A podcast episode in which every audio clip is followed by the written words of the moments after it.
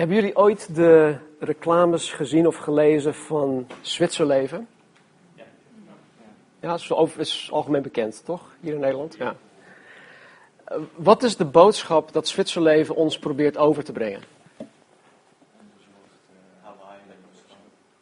Onbezorgd, wat? Onbezorgd leven. Dat je, Ja, onbezorgd leven, Hawaii, mooie stranden, toekomst, je financiën goed geregeld hebt. financiën goed geregeld hebben. Ja. Nou, wat zeg je? Op je oude leeftijd, op je oude dag. Ja. Nou, jullie hebben- ze, ze zijn succesvol geweest in het overbrengen van hun boodschap. Ik heb dit van hun eh, website geplukt.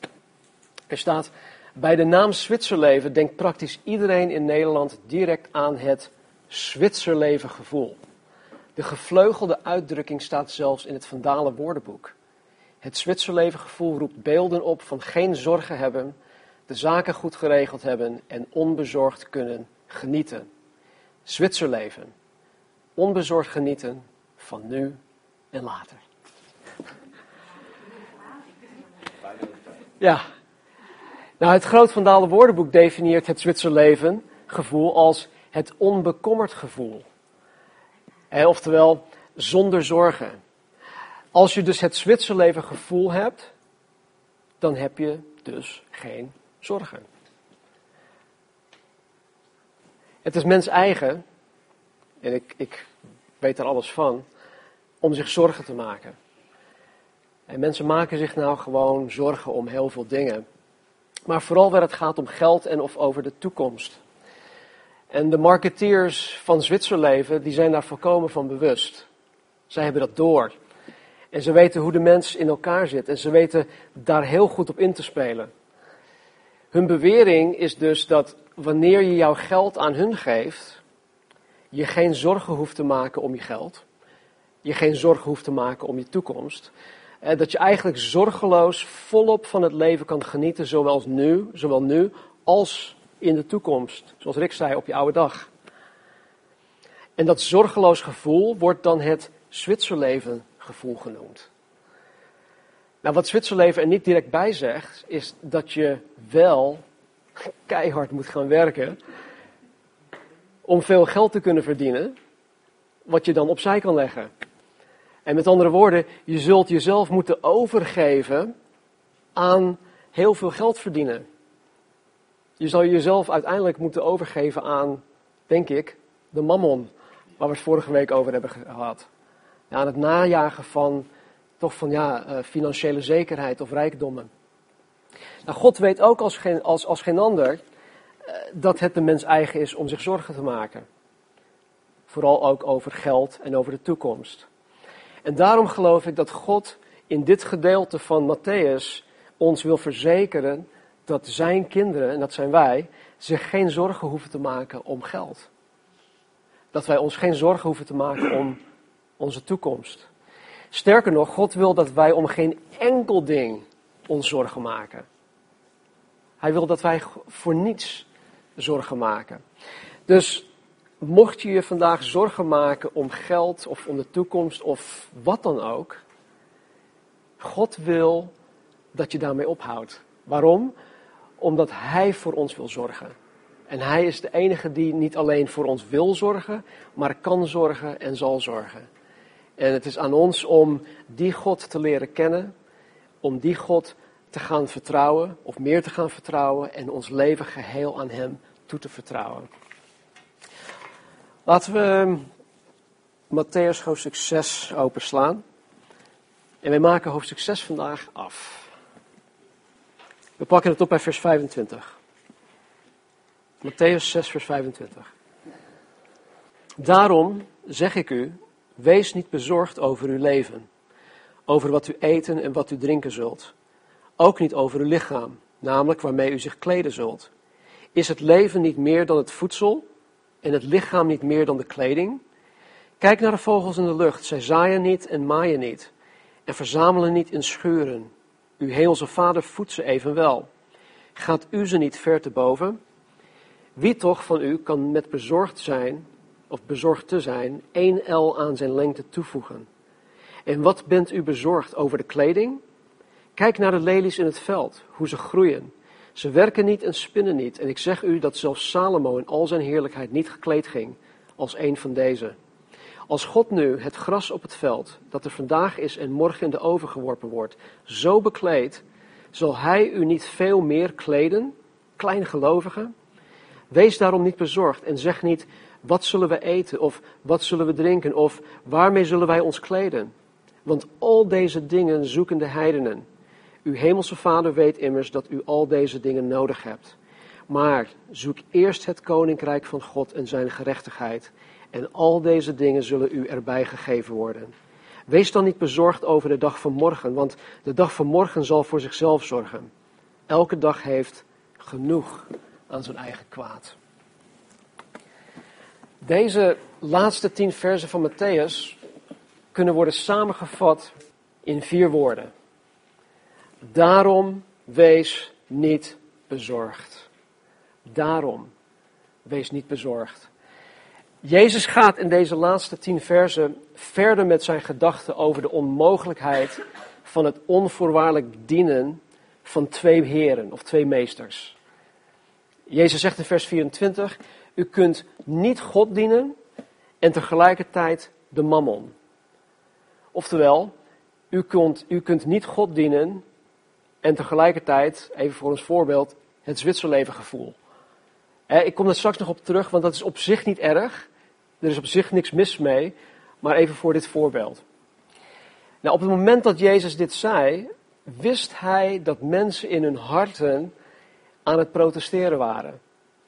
En ik geloof dat iedereen die Jezus aanhoorde zoiets had van ja, maar als ik niet opzij leg wat ik over heb, als ik dat allemaal weggeef, als ik het in het koninkrijk van God of in de hemel investeer, dan heb ik straks niets voor mezelf wanneer ik het nodig zal hebben.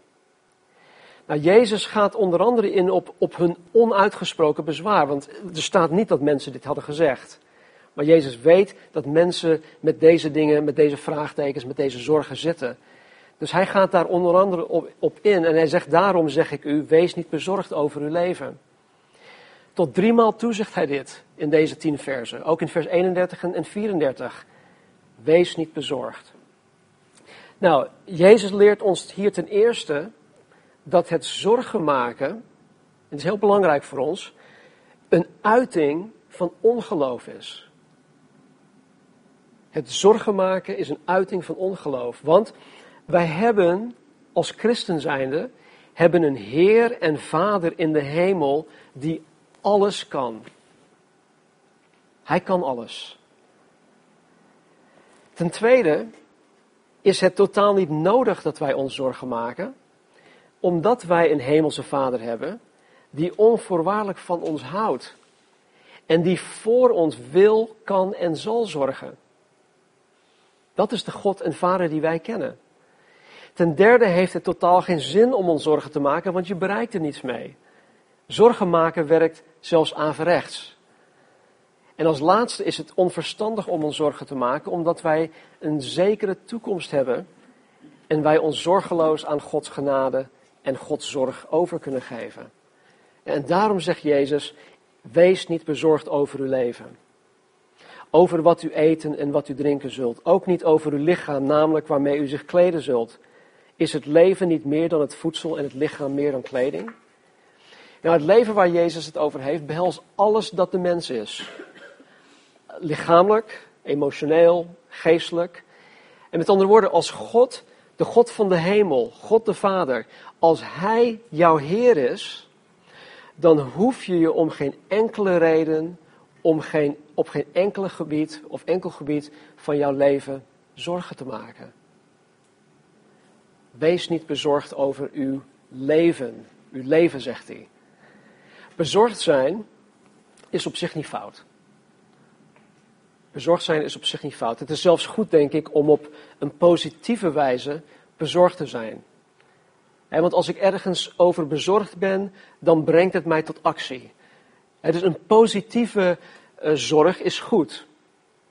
Paulus zegt uh, op een gegeven moment in, uh, in 1 Korinthe hoofdstuk 7, dan heeft hij het over um, gehuurde en ongehuurde. En dan spreekt hij op een gegeven moment, hij zegt hij over een, een ongehuurde man die, die richt zich, of man of vrouw, die richt zich geheel op de dingen van de Heer.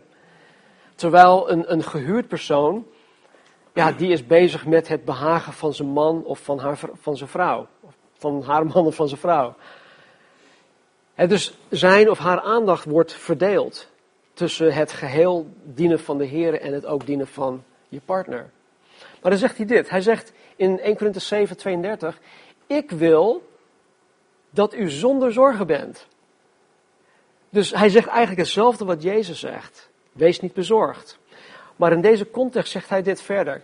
De ongehuurde is bezorgd voor de dingen van de Heere, hoe hij de Heere zal behagen. En hier gebruikt Paulus dus hetzelfde woord dat Jezus in Matthäus 6 gebruikt, wanneer hij zegt wees niet bezorgd. Alleen hier heeft het een positieve uitwerking. Het behagen van de Heer. Dus eh, je zorgen maken of het bezorgd zijn is op zich niet verkeerd. Maar waar Jezus het over heeft, is het overmatig zorgen maken over iets. Ik denk dat wij dit allemaal wel kennen. Eh, het piekeren over zaken. Het stressen. Eh, er, er slapeloze nachten van krijgen. Dat je ermee wakker wordt, dat je ermee naar bed gaat. Ik denk dat we allemaal wel door een tijd heen zijn gegaan, of misschien zitten we er nu zelfs in. dat, je, dat je je zorgen maakt over, over dingen. Nou, dit soort van zorgen maken is, is een zonde. Het is een zonde. Want waar, waar dit op neerkomt, is, is dat je vindt dat je niet op God kan vertrouwen. Als je op deze wijze je zorgen maakt over dingen in je leven. En misschien zou je het nooit hardop zeggen dat God niet te vertrouwen is, maar door je zorgen te maken, zeg je dat eigenlijk wel. Door je zorgen te maken zeg je eigenlijk dat Gods woord niet waar is. Dat zijn beloften loze woorden zijn. Dat God eigenlijk niet waar kan maken wat hij zegt. Dat God niet almachtig is. Dat hij niet de grote ik ben is. Dat hij een leugenaar is. Nogmaals, ik denk niet dat wij dit, dat wij dit ooit bewust zouden zeggen van God of denken van God. Maar door ons zorgen te maken doen wij dit indirect wel. Je zorgen maken doe je wanneer je niet hebt of dreigt te verliezen wat jij denkt nodig te hebben. Ja, je zorgen maken doe je wanneer je niet hebt of je dreigt te verliezen wat jij denkt nodig te hebben. En dan maakt het niet uit wat het is. Het kan materieel zijn, het kan een, een persoon zijn, het kan van alles zijn. Je zorgen maken doe je wanneer je niet hebt wat jij denkt dat je per se moet hebben. Je zorgen maken doe je wanneer je niet hebt waar jij naar verlangt om misschien te kunnen hebben. Voordat ik tot bekering kwam, was ik zo ambitieus. Ik werkte voor een, uh, een multinational bedrijf. In uh, Amerika zeggen, zeggen we, I was climbing the corporate ladder. Dus ik, ik had een carrièrepad uitgestippeld. Alleen maar om, om, ja, om mijn toekomst zeker te stellen. Om in mijn heden leuke dingen te kunnen doen. En ik maakte me toen zorgen over alles. Mijn toekomst. Hoe kan ik dit krijgen? Hoe kan ik dat krijgen? Uh, wat als dat gebeurt? Wat als dat gebeurt? En dat is, dat is, ja, dat is, nu, uh, dat is nu niet meer zo. Want nu ben ik eigenlijk gewoon tevreden met alles wat ik heb. Zorgen maken, denk ik, is vaak het gevolg van een gebrek aan tevredenheid. Zorgen maken is vaak een gebrek aan, aan voldoening hebben in je leven. De apostel Paulus, die zo'n 30 jaar lang met de Heer heeft gewandeld, zei in Filippus 4, 11 tot en met 13 dit. Ik heb geleerd tevreden te zijn in de omstandigheden waarin ik verkeer. Hij schreef dit vanuit een Romeinse gevangenis. Hij was vastgeketend 24 uur per dag aan een Romeinse soldaat. En dan zegt hij dit. En ik weet wat het is vernederd te worden. Ik weet ook wat het is overvloed te hebben. In elk opzicht en in alles ben ik ingewijd. Zowel in verzadigd te zijn als in honger te lijden. Zowel in overvloed te hebben als in gebrek te lijden. Alle dingen zijn mij mogelijk door Christus die mij kracht geeft. Paulus zegt hier dat hij geleerd heeft in die 30 jaar tijd met Christus te wandelen, tevreden te zijn. Vaak maken wij ons zorgen omdat wij niet geleerd hebben om tevreden te zijn. Wij zouden zo graag willen dat dingen anders gaan. Eh, wij zijn niet blij met de manier waarop God dingen op dit moment regelt. Misschien zijn we niet eens bewust dat God bezig is. Paulus zegt verder in 1 Timotheus ook dit. We hebben niets in deze wereld meegebracht en kunnen er ook niets mee of niets uit meenemen. We hebben voedsel en kleren, laten we daar tevreden mee zijn. Vers 25. Daarom zeg ik u, wees niet bezorgd over uw leven, over wat u, te e wat u eten en wat u drinken zult. Ook niet over uw lichaam, namelijk waarmee u zich kleden zult. Is het leven niet meer dan het voedsel en het lichaam meer dan de kleding? In 1 Korinthe 10, 26 zegt Paulus, van de Heere immers is de aarde en de volheid daarvan. Dus alles hier op aarde is van God. Alles is van Hem. Dus als wij Hem kennen en Hem dienen, dan hoeven wij ons totaal geen zorgen te maken over wat wij dagelijks nodig hebben. Is het leven niet meer dan het voedsel en het lichaam meer dan kleding? Met andere woorden, er zijn belangrijkere dingen in het leven waar wij ons, bezig mee, waar wij ons mee bezig moeten houden. Waar wij onze tijd en energie horen in, in horen te steken. Dat zien we zo meteen in vers 33. Jezus zegt, wees niet bezorgd over uw leven. En dan geeft hij ons een aantal, enkele, een aantal goede redenen waarom wij ons geen zorgen hoeven te maken. Vers 26, hij zegt, kijk naar de vogels in de lucht. Ze zaaien niet en maaien niet en verzamelen niet en schuren. Uw hemelse vader voedt ze evenwel. Gaat u ze niet ver te boven? Weet je, dit is de bergreden. Hij zat daar op de berg, langs, langs de, de kant van de heuvel. Zijn discipelen zaten om hem heen, er waren mensen overal. Eh, het kan zijn dat Jezus op dat moment vogels zag, hè, boven hem zag vliegen. Toen hij dat zei, kijk, kijk naar de vogels. Weet je, vogels hebben geen ingewikkeld spaarplan. Ze hebben geen voorraadschuur. Vogels hebben helemaal niks. En toch heb ik nooit een vogel gezien waarvan ik dacht van oei, die vogel, nou die vogel die maakt zich echt zorgen. Of, of die vogel ziet er erg gestrest uit. Of, moet je die vogel zien met die grijze haren? Nee, dat, dat, dat bestaat niet. Dit komt omdat onze hemelse vader hun voedt. Onze hemelse vader. Niet hun hemelse vader, maar onze hemelse vader zorgt voor die vogels. Nou, dit wil niet zeggen dat vogels zomaar met een open snavel ergens op een tak zitten van ah, en dat daar ineens een worm of een, een appel of een, een zaadje zo, zomaar invalt. Nee, die vogels die moeten er keihard voor werken en zelfs vechten om gevoed te worden. Marnie en ik, als, als ik thuis ben, zit ik dagelijks te kijken aan in onze achtertuin. Want daar heb je van die koolmeesjes, je hebt van die kauwen, we hebben uh, merels. En wat een gevecht om, uh, om soms ja, zaadjes of brood of, of dingetjes uh, te, te, te eten. Maar toch krijgen ze te eten. Jezus leert ons hier niet om passief achterover te leunen en dan maar denken dat God voor ons zorgt. dat zegt Jezus hier niet. Want Paulus zegt in 2 Thessalonicenzen 3:10, als iemand niet wil werken, zal hij ook niet eten.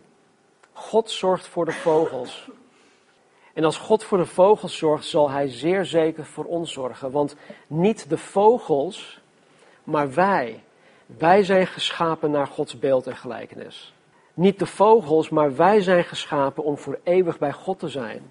Wij hebben een hemelse vader. Vers 27. Wie toch van u kan met bezorgd te zijn één L aan zijn lengte toevoegen? Nou, een L is ongeveer 45 centimeter. Maar ik geloof niet dat Jezus hier sprak over een klein mens die per se langer wilde worden. Dat ze ook wel kunnen in, in, in dit voorbeeld. Want ik ben ja, ongeveer 1,70 en ik zou heel graag minstens 1,85 willen zijn. Maar hoeveel zorgen ik, ik me daarom maak, word ik geen millimeter groter. Dus er is totaal niets aan te doen.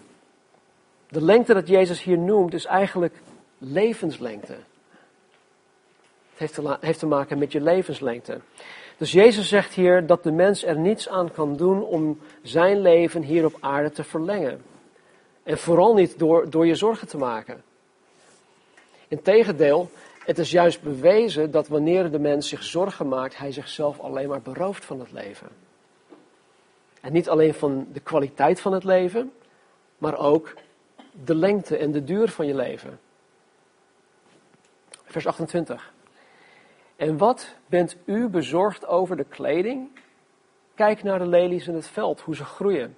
Ze werken niet en spinnen niet. En ik zeg u dat zelfs Salomo in al zijn heerlijkheid niet gekleed ging als een van deze.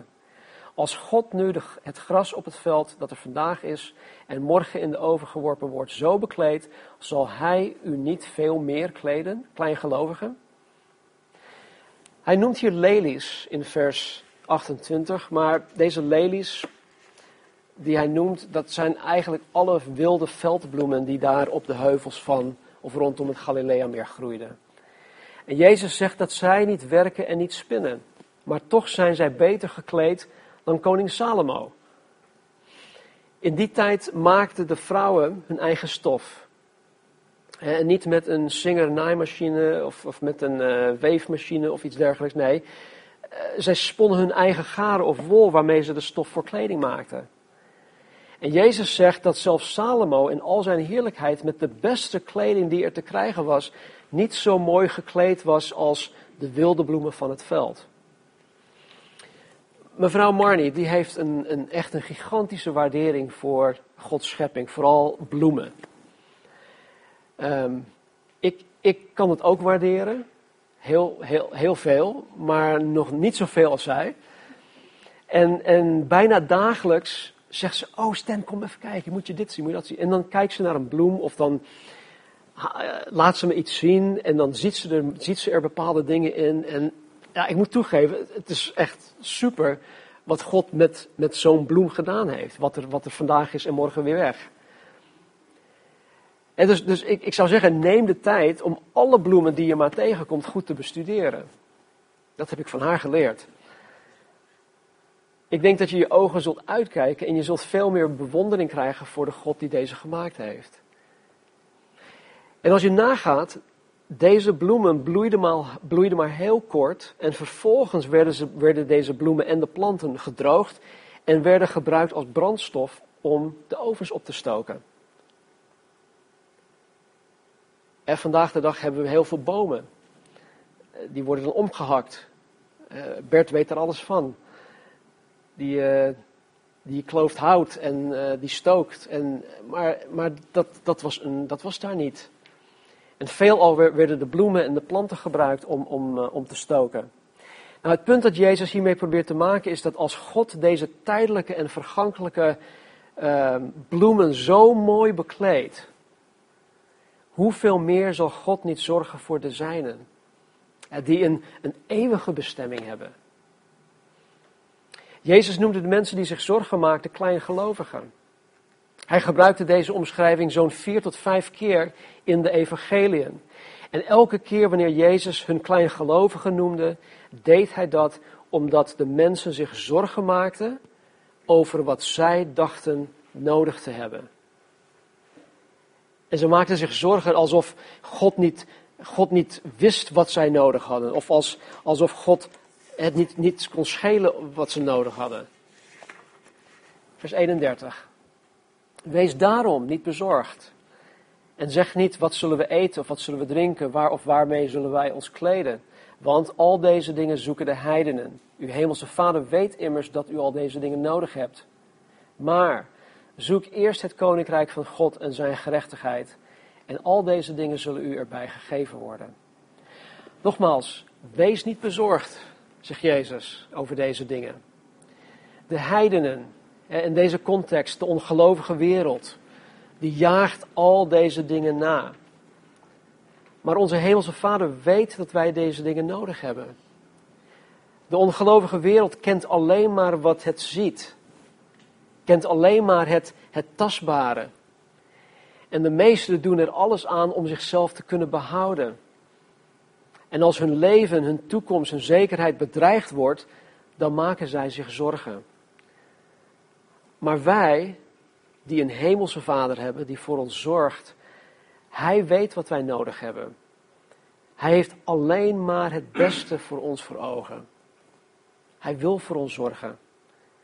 Dus wees daarom niet bezorgd, maar zoek eerst het koninkrijk van God en zijn gerechtigheid. En al deze dingen zullen u erbij gegeven worden. Na al deze dingen, eten, drinken, kleding, onderdak, alles dat wij in dit leven nodig hebben, dat zijn allemaal dingen waarvan God weet, hé, hey, mensen, jullie hebben dit nodig. Mijn kinderen, jullie hebben dit nodig. En er is niets mis met deze dingen. Er is, er is op zich niks mis met, met kleding, met, met eten, met uiteten, met lekker eten, met, hè, snap je? Wij mogen van het leven genieten. Er is niets mis mee. Al heb je aardse rijkdommen. Al heb je geld geïnvesteerd in, in, in Zwitserleven. Dat maakt allemaal niet uit voor God. Al heb je veel dingen. Dat maakt, ook, dat maakt allemaal niet uit. Als je maar eerst het koninkrijk van God en zijn gerechtigheid zoekt. Dat is het allerbelangrijkste. Dat is het voornaamste. Dus God is op zich niet tegen geld investeren. God is op zich niet tegen rijkdommen. God is op zich niet tegen uh, het uh, van het genieten uh, van het leven. God, God wil juist dat wij van het, van het leven genieten. Maar hij wil dat wij eerst het koninkrijk van God zoeken en zijn gerechtigheid. Als christenen is onze eerste prioriteit het zoeken, het najagen van en het streven naar Gods koninkrijk en zijn gerechtigheid.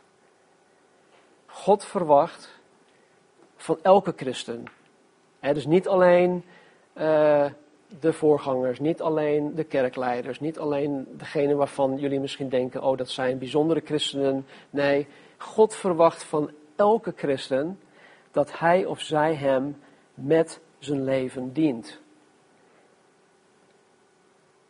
God verwacht dat je actief bent in de plaatselijke gemeente waar je deel van uitmaakt. Dat je investeert in Gods koninkrijk. Dat je iets doet om Gods koninkrijk te zoeken, te vermenigvuldigen, dat je betrokken bent. Dat je actief deelnemer bent van, van, van zaken. Ik durf met 100% zekerheid te zeggen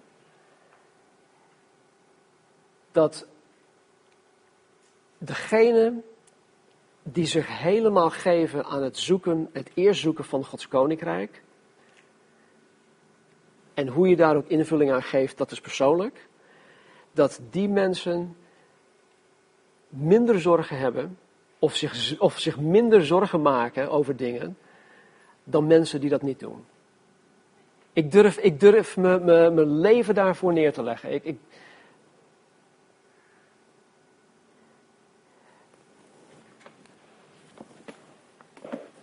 ik heb het zelf ook ondervonden.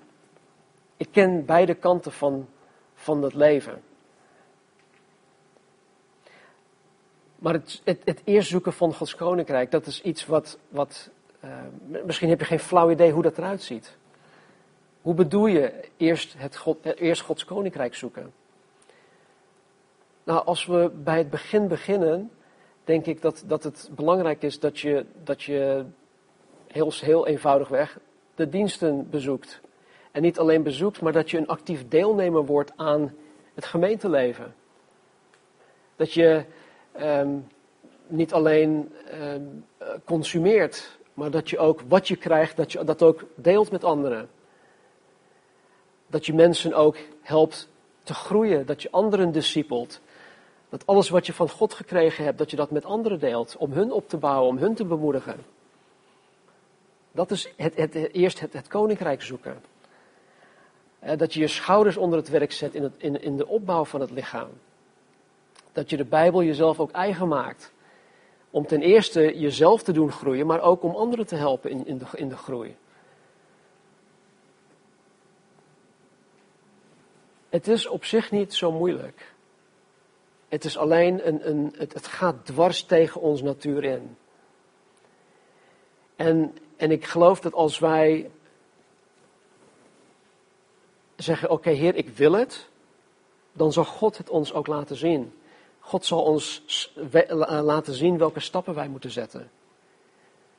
Vertrouw God daarin. Zoek eerst het koninkrijk Gods. Maak God en zijn koninkrijk jouw eerste prioriteit. En God zal voor, voor alle andere dingen in jouw leven zorgen.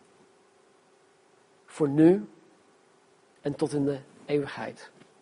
Punt uit. Weet je, het Zwitserleven gevoel is pure armoede vergeleken met wat God ons te bieden heeft. Wees dan niet bezorgd over de dag van morgen, want de dag van morgen zal voor zichzelf zorgen. Elke dag heeft genoeg aan zijn eigen kwaad. De meeste zorgen die wij als mens hebben gaan over morgen en over de toekomst. En het begint meestal met ja maar of wat als. De meeste zorgen gaan over morgen. Wie, wie van jullie kunnen even terugdenken naar een jaar geleden waar jullie je zorgen over maakten? En was het terecht? Ik durf te zeggen van niet.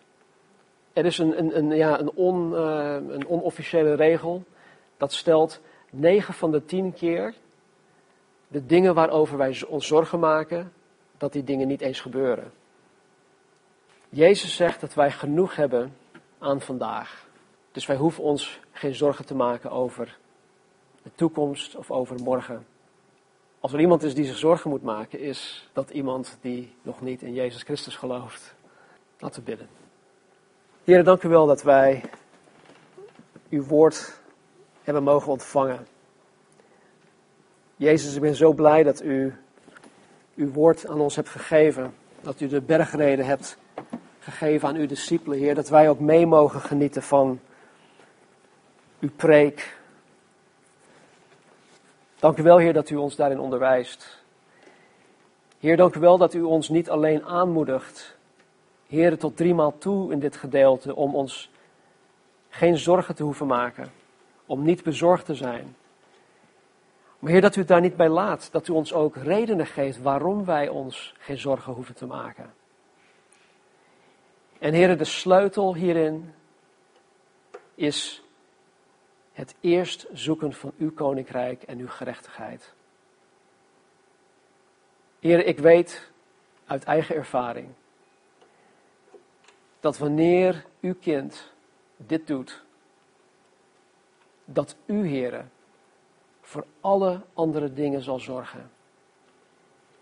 Heren, dat uw kind zich zorgeloos door het leven heen of door het leven kan wandelen. En Heer, het is zo'n fijn gevoel om niet overmatig bezorgd te hoeven zijn over ons leven. En Heer, u weet wat wij nodig hebben.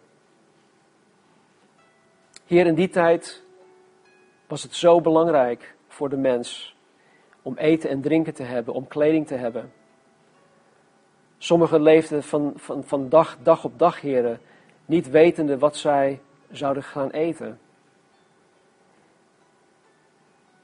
Heren, wij anno 2012, hier in de westerse samenleving, heren, wij, wij kennen dat niet. Onze voorraadkasten zitten vol. Heren, onze koelkasten en vriezer zitten vol met eten. We hoeven alleen maar naar de, de Albert Heijn toe te gaan of naar de supermarkt en alles is er. Maar Heer, ook voor ons geldt dat wij ons geen zorgen hoeven te maken. Heer, het leven is meer complex geworden. Het was toen zo, zoveel meer, ja, zoveel eenvoudiger. Maar desalniettemin, heren, weet ik dat u voor ons zorgen zal. En dat u voor ons wil zorgen. Dus Heer, waar wij ons vanmorgen zorgen over maken. Help ons, Heer, alstublieft, om deze zorg aan uw voeten neer te leggen. Heer, help ons om u te vertrouwen. Heer, wij geloven, maar Heer, help ons in ons ongeloof. Vergeef ons, Heer, waar wij u niet vertrouwd hebben. Vergeef ons, Heer, waar wij kleingelovigen zijn geweest. En waar wij voor alles en nog wat ons zorgen hebben gemaakt. Help ons, Heer. Help ons om U te zien vandaag. Heer, op dat alle zorgen van ons afglijden. Heer, op dat alle zorgen vervagen. In Uw aanwezigheid. Dus Heer, zegen uw kinderen, zegen uw gemeente. En trek ons, Heer, dichter naar U toe. En help ons U te zien, Heer, zoals U bent. Onze hemelse Vader, die van ons houdt, die ons alles gegeven heeft in Jezus Christus. Die ons het eeuwige leven heeft gegeven. En Heer, help ons om te beseffen dat als U ons dat al hebt gegeven, waarom zou U ons niet de dingen geven die we dagelijks nodig hebben? O Heer, U bent zo getrouw. Dank u wel. Wees genadig, Heer. Wij zijn gebroken mensen, wij zijn, ik spreek nu vooral voor mezelf, wij zijn domme mensen. We snappen het niet, Heer, altijd. Dus kom onze tekortkomingen hierin tegemoet.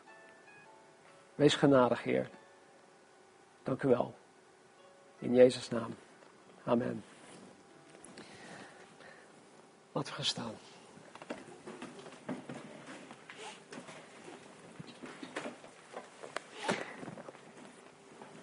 De Heere zegene u en behoede u. De Heere doet zijn aangezicht over u lichten en zij u genadig. De Heere verheffen zijn aangezicht over u en geven u vrede. Vrede. Dus geen zorgen. Amen.